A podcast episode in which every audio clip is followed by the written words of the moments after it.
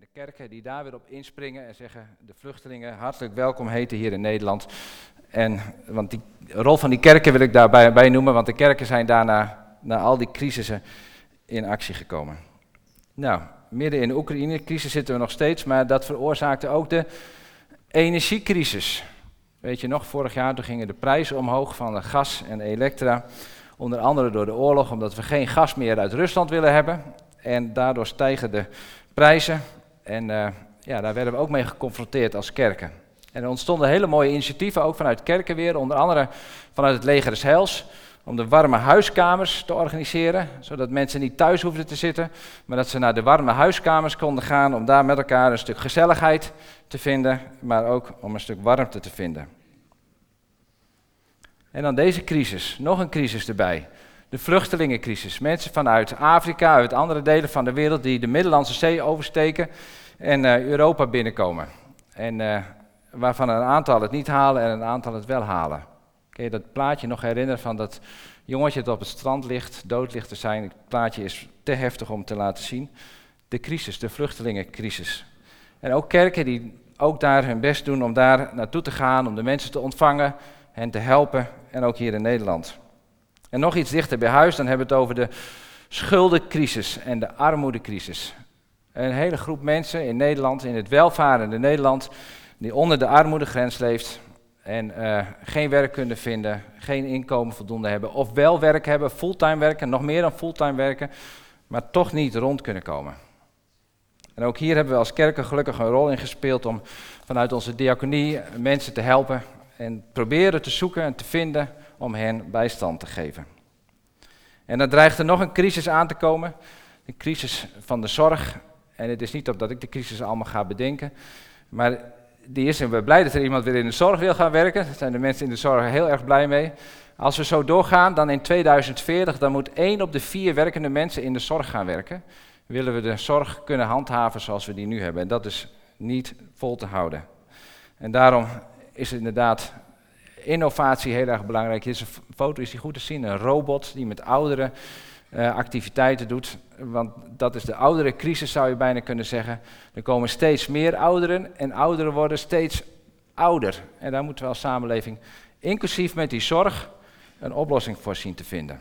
De ene crisis rolt over de andere heen. En dan heb ik nog niet eens gehad over de boerencrisis, over de stikstofcrisis, over de toeslagencrisis, waar we nog middenin zitten. En het Groningen gascrisis die er ook nog is. En ik bedacht me vanochtend er ook nog één, de woningcrisis. En de ene crisis rolt over de andere crisis. En vorige week werden we nog geconfronteerd met deze crisis van Israël, waarvan we denken, hoe loopt dit af? Een, een, een ellende in de wereld die niet alleen daar is, maar waar de hele wereld mee te maken heeft. De ene crisis rolt over de andere crisis heen. En dan hebben we het ook nog niet gehad over jullie eigen persoonlijke crisis. Die misschien op wereldniveau helemaal niet groot zijn, maar voor jezelf wel heel groot zijn. Een baan die je verliest, gezondheid die je verliest. Een school wat je niet af kan maken. Huiswerk moet je. Oh, dat valt misschien nog mee. Huiswerk.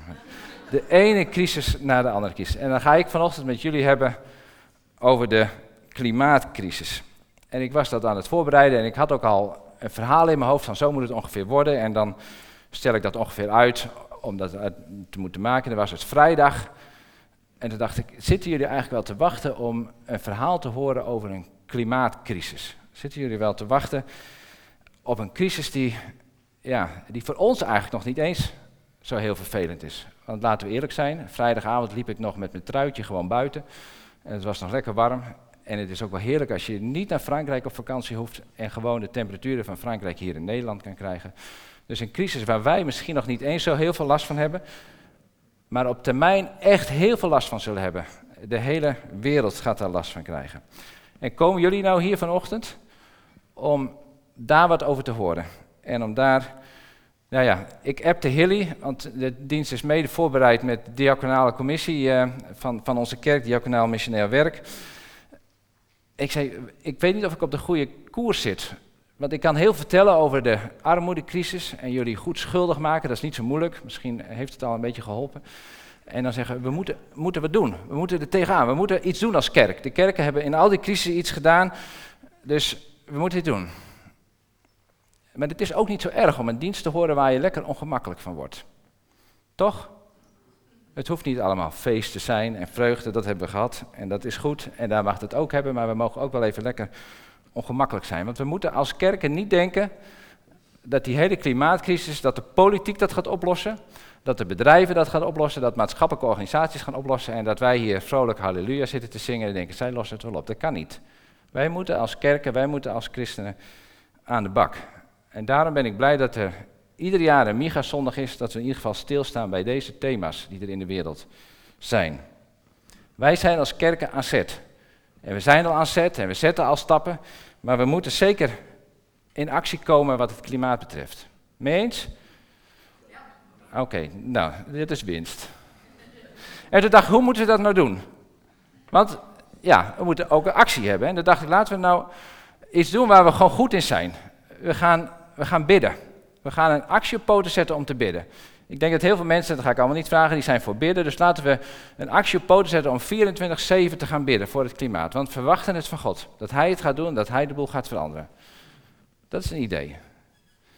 Wat we ook kunnen doen, dacht ik, maar die actie is alweer afgelopen, dat is met z'n allen naar de A12 gaan.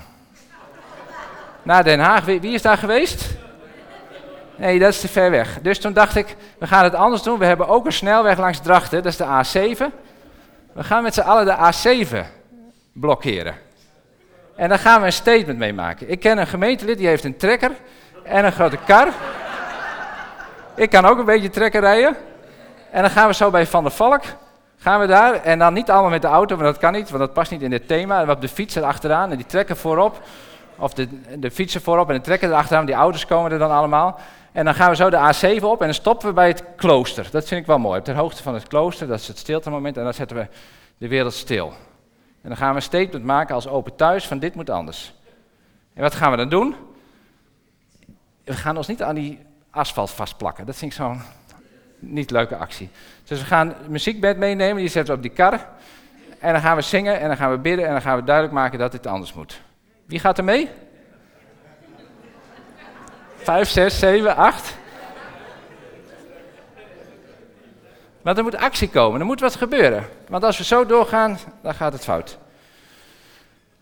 Maar misschien moeten we het ook wel helemaal anders doen, dacht ik. Misschien moeten we ook wel als gemeente ons gewoon helemaal terugtrekken naar een kerkje op de hei en zeggen van deze wereld, daar hebben wij niks mee te maken. Dit gaat zo kant fout, daar doen wij als christenen niet aan mee.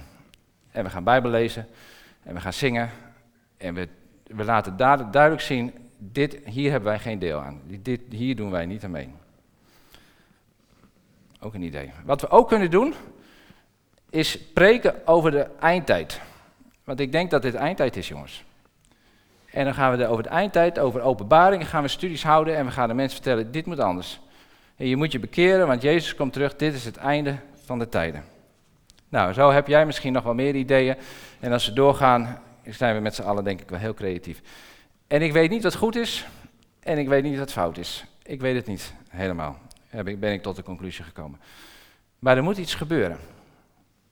En toch kwam ik door deze Miga-zondag, want zij hebben wat, wat schetsen over preekschetsen en ze geven ideeën waar je het over kan hebben, kwam ik op een ander idee. En want zij kwamen met um, het Bijbelboek Joël aanzetten. En uh, we gaan het niet lezen, dat mag, dat mag, je thuis lezen. Ik heb een tekst zometeen wat ik daar uh, mee wil laten zien. Maar Joël is een van de kleine profeten uit het Oude Testament. Het volk Israël zit in Israël en er is een beetje discussie over wanneer dat Bijbelboek geschreven is. Maar Joël begint met het verhaal dat er een sprinkhanenplaag komt en dat de mensen in Israël niks meer te eten hebben. Want die sprinkhanen die komen over Israël en die vreten al het oogst op. Dus er is grote crisis in Israël. En dan komt Joël en die komt namens God een boodschap vertellen. Even kijken, dit waren al die crisissen. En in Joël 2 staat het dan, daar staat wat Joël zegt namens God, ik wil dat jullie mij weer gehoorzamen, zegt God. Ga vasten en laat je verdriet en je tranen aan mij zien. Dus die sprinkhanenplaag die komt eraan, die vreet alles op. En wat zegt Joël? Joël zegt van, ik wil dat jullie mij weer gehoorzamen. Ga vasten en ik wil je verdriet en je tranen wil ik zien. Nico heeft net het verhaal van Micha gelezen. En Micha heeft ongeveer een vergelijkbare boodschap. Daar gaat het ook fout. En dan komt Micha en, die, en, en, en dan zegt het volk, moeten we gaan offeren? Wat moeten we allemaal gaan doen? En dan zegt Micha, die zegt namens God, maar de Heer heeft jullie wel verteld wat hij van jullie verlangt. Hij heeft jullie al bekendgemaakt wat goed is. Hij vraagt alleen dit, wees eerlijk, rechtvaardig en trouw en denk niet alleen aan jezelf, maar leef dicht bij God. Twee keer een crisis, die sprinkhanencrisis, een crisis in Micha.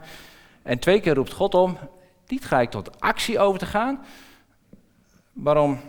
Even goed naar jezelf te kijken. Van wie ben jij? Wat leeft er in jouw hart? Wat is er met jouw gesteldheid? Hoe zit het met jouw gesteldheid? Hoe zit het met jouw motivatie? En kijk eens eerlijk naar jezelf. Wees eens eerlijk naar jezelf. Kijk naar je eigen hart. Wat leeft er in je hart? In de HSV-vertaling staat van bekeer u tot mij met heel uw hart. En er staat ga vasten, dus we moeten stil zijn, we gaan reflecteren, ons bezinnen. En dan zegt God, ik wil je verdriet zien en ik wil je tranen zien.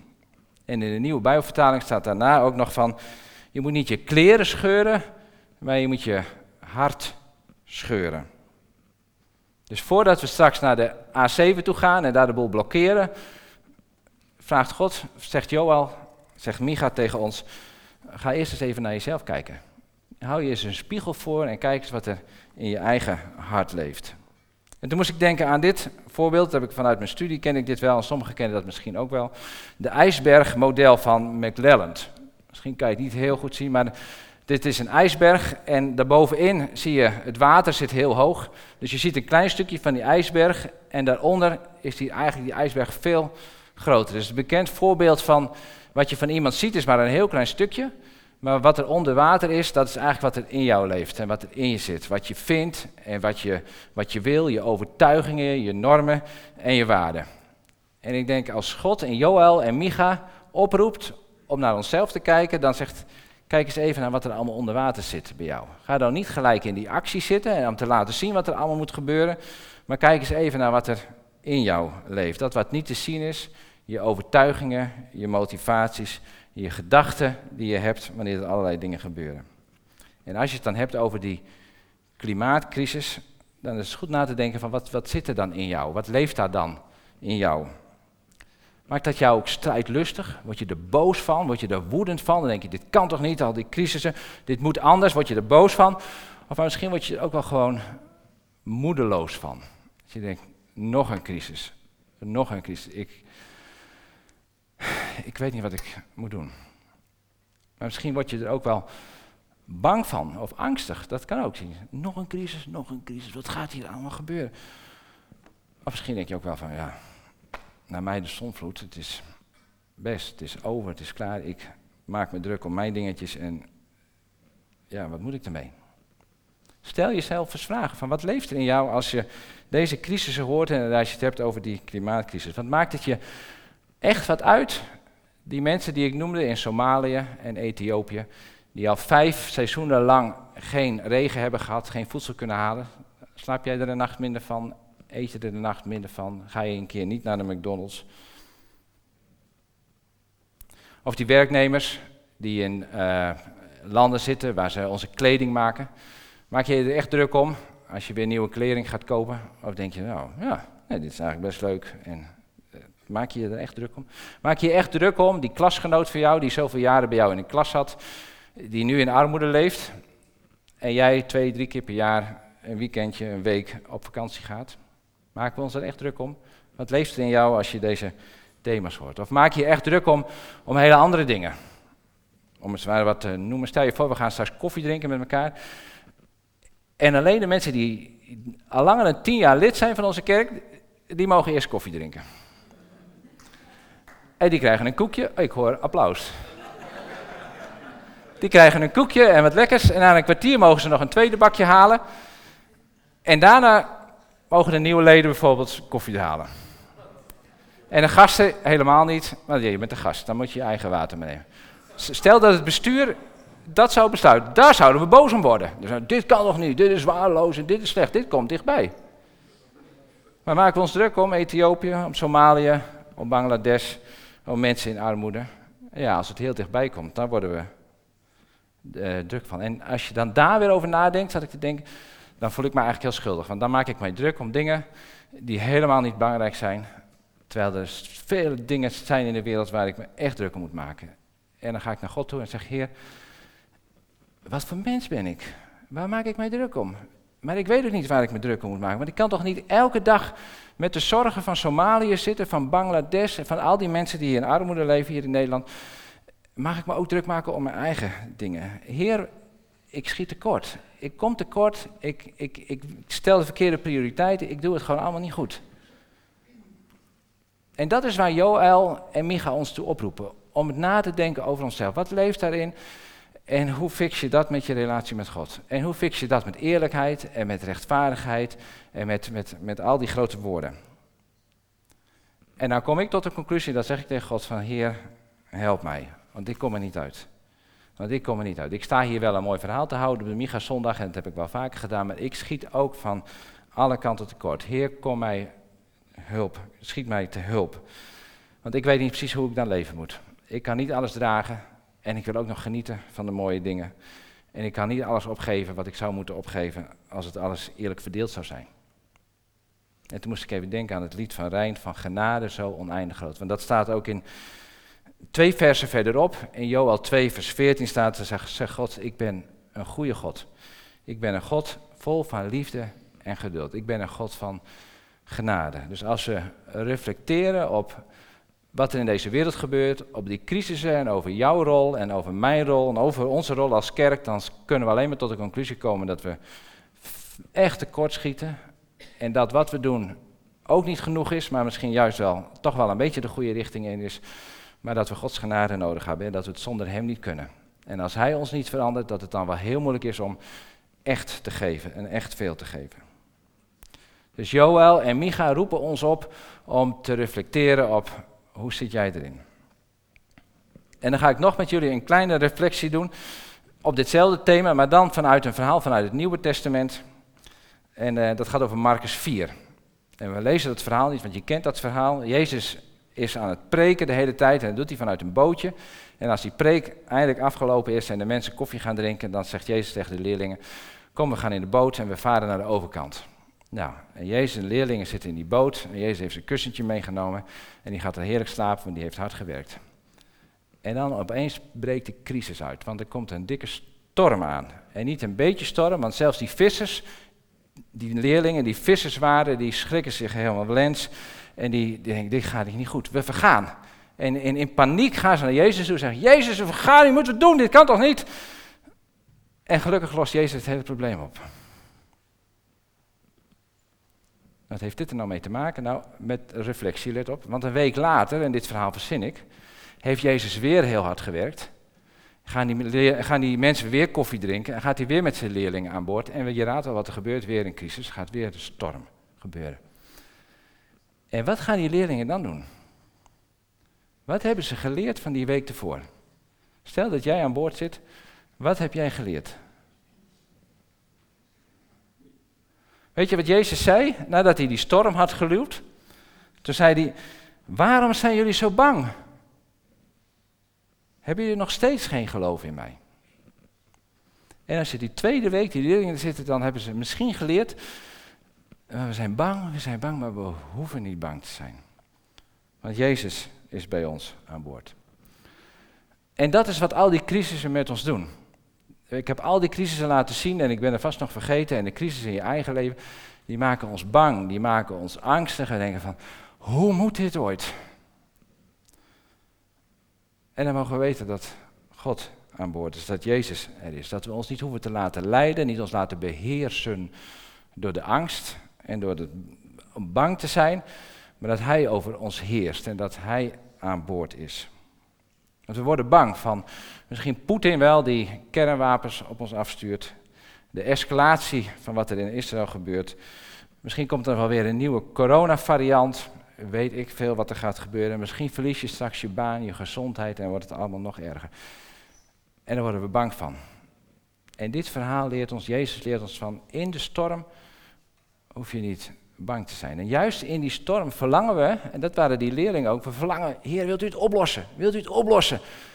Ik bid wel eens, of dat durf ik niet te bidden, maar wilt u iemand maken dat er iemand een kogel door Poetin heen schiet, zodat die ellende afgelopen is? Heer, wilt u het oplossen in Israël? Wilt u het probleem oplossen? Wilt u mij morgen een andere baan geven? Wilt u zorgen dat dit opgelost is? En dat is niet wat dit verhaal ons gelijk leert. Want jij zegt, je hoeft niet bang te zijn. Ik ben bij je. Ik ga je door de storm heen. En linksom of rechtsom, Jezus lost het, ons, lost het op. Niet op de manier zoals wij dat misschien willen. Maar wel, Hij is bij ons en hij, bij Hem zijn we veilig aan boord. Vroeger leerden we het liedje met Jezus in de boot ben je veilig in de storm. We zijn veilig bij Hem. Hij lost het op. Misschien niet op onze manier, maar we mogen leren om op Hem te vertrouwen. Dat Hij met ons meegaat dwars door de storm heen. Nou, als we zo aan dat reflecteren zijn aan wat daar onderin gebeurt. En tot de ontdekking zijn gekomen dat we het zelf niet kunnen, dat we zelf maatloos tekort schieten, maar dat we ook in alle rust dat mogen doen. Dan mogen we de volgende stap naar het bovenste deel zetten. Dan mogen we actie doen. Dan mogen we aan de slag. En nou heeft Micha Nederland en dit is denk ik niet te lezen, maar dat geeft ook niet zoveel, ons allerlei tips gegeven om daarmee aan de slag te gaan. Om van juist vanuit die houding, vanuit die rust en vanuit het onvermogen, vanuit de nederigheid, om daarmee aan de slag te gaan. Om iets te doen. Straks als je in de supermarkt rondloopt, om misschien het net even anders te doen. Of als je een nieuw stel kleren nodig hebt. Of als je kiest van, moet ik nou met de fiets of met de auto? Dat je net even denkt, oké, in dit kan ik het verschil maken. Je kan de wereld niet veranderen, maar je kan wel iets veranderen. In zachtmoedigheid, in matigheid en misschien toch in alle rust met z'n allen de A7 op. En de trekker nemen en uh, een statement maken. Want ook zo'n manier kunnen we gebruiken. Er liggen straks bij de koffie uh, op de staattafels een aantal vragen waar je met elkaar over na kan denken. En dat zijn misschien wat ongemakkelijke vragen, want dit thema is wat een ongemakkelijk thema. Van hoe moet je hier nou mee uit de voeten? Maar het is wel een thema waar we iets mee moeten met elkaar. Daar ligt dit blaadje ook, die infographic die je nu niet lezen kan. Met aan de rechterkant de tips waar je mee aan uit de voeten kan en waar we mee verder kunnen. Ik wil deze dienst afsluiten met gebed. Lieve Vader, we danken u wel dat u een God van genade bent. Dat u een God bent die goed is, die vol liefde is. En dat u het laatste woord hebt in deze wereld. Heer, dat we dwars door de stormen heen in ons leven, dwars door de crisissen heen in deze wereld, naar u mogen kijken. En dat we stil mogen worden en dat we het van u mogen verwachten. Heer, dat u ons stil maakt, dat u ons dwars door de storm heen helpt. Op een manier die we zelf niet kunnen bedenken. En dat we bij u veilig zijn. Is het niet hier, dan is het straks in uw eeuwigheid. Van daar zijn we sowieso. Heer, en ik bid zo een zegen over ons als kerken in heel Nederland dan ook maar. Als we van daaruit deze wereld ingaan en iets doen aan het onrecht in deze wereld. Iets doen aan het, wat er in deze wereld zo verkeerd en fout is en, en wat er in ons zo verkeerd en fout is. Wilt u ons helpen dat we stapje voor stapje iets van uw koninkrijk kunnen laten zien. Iets van uw liefde kunnen laten zien. Iets van uw trouw kunnen laten zien. Zodat mensen ook dwars door de storm heen iets van u mogen ervaren. In Jezus' naam. Amen.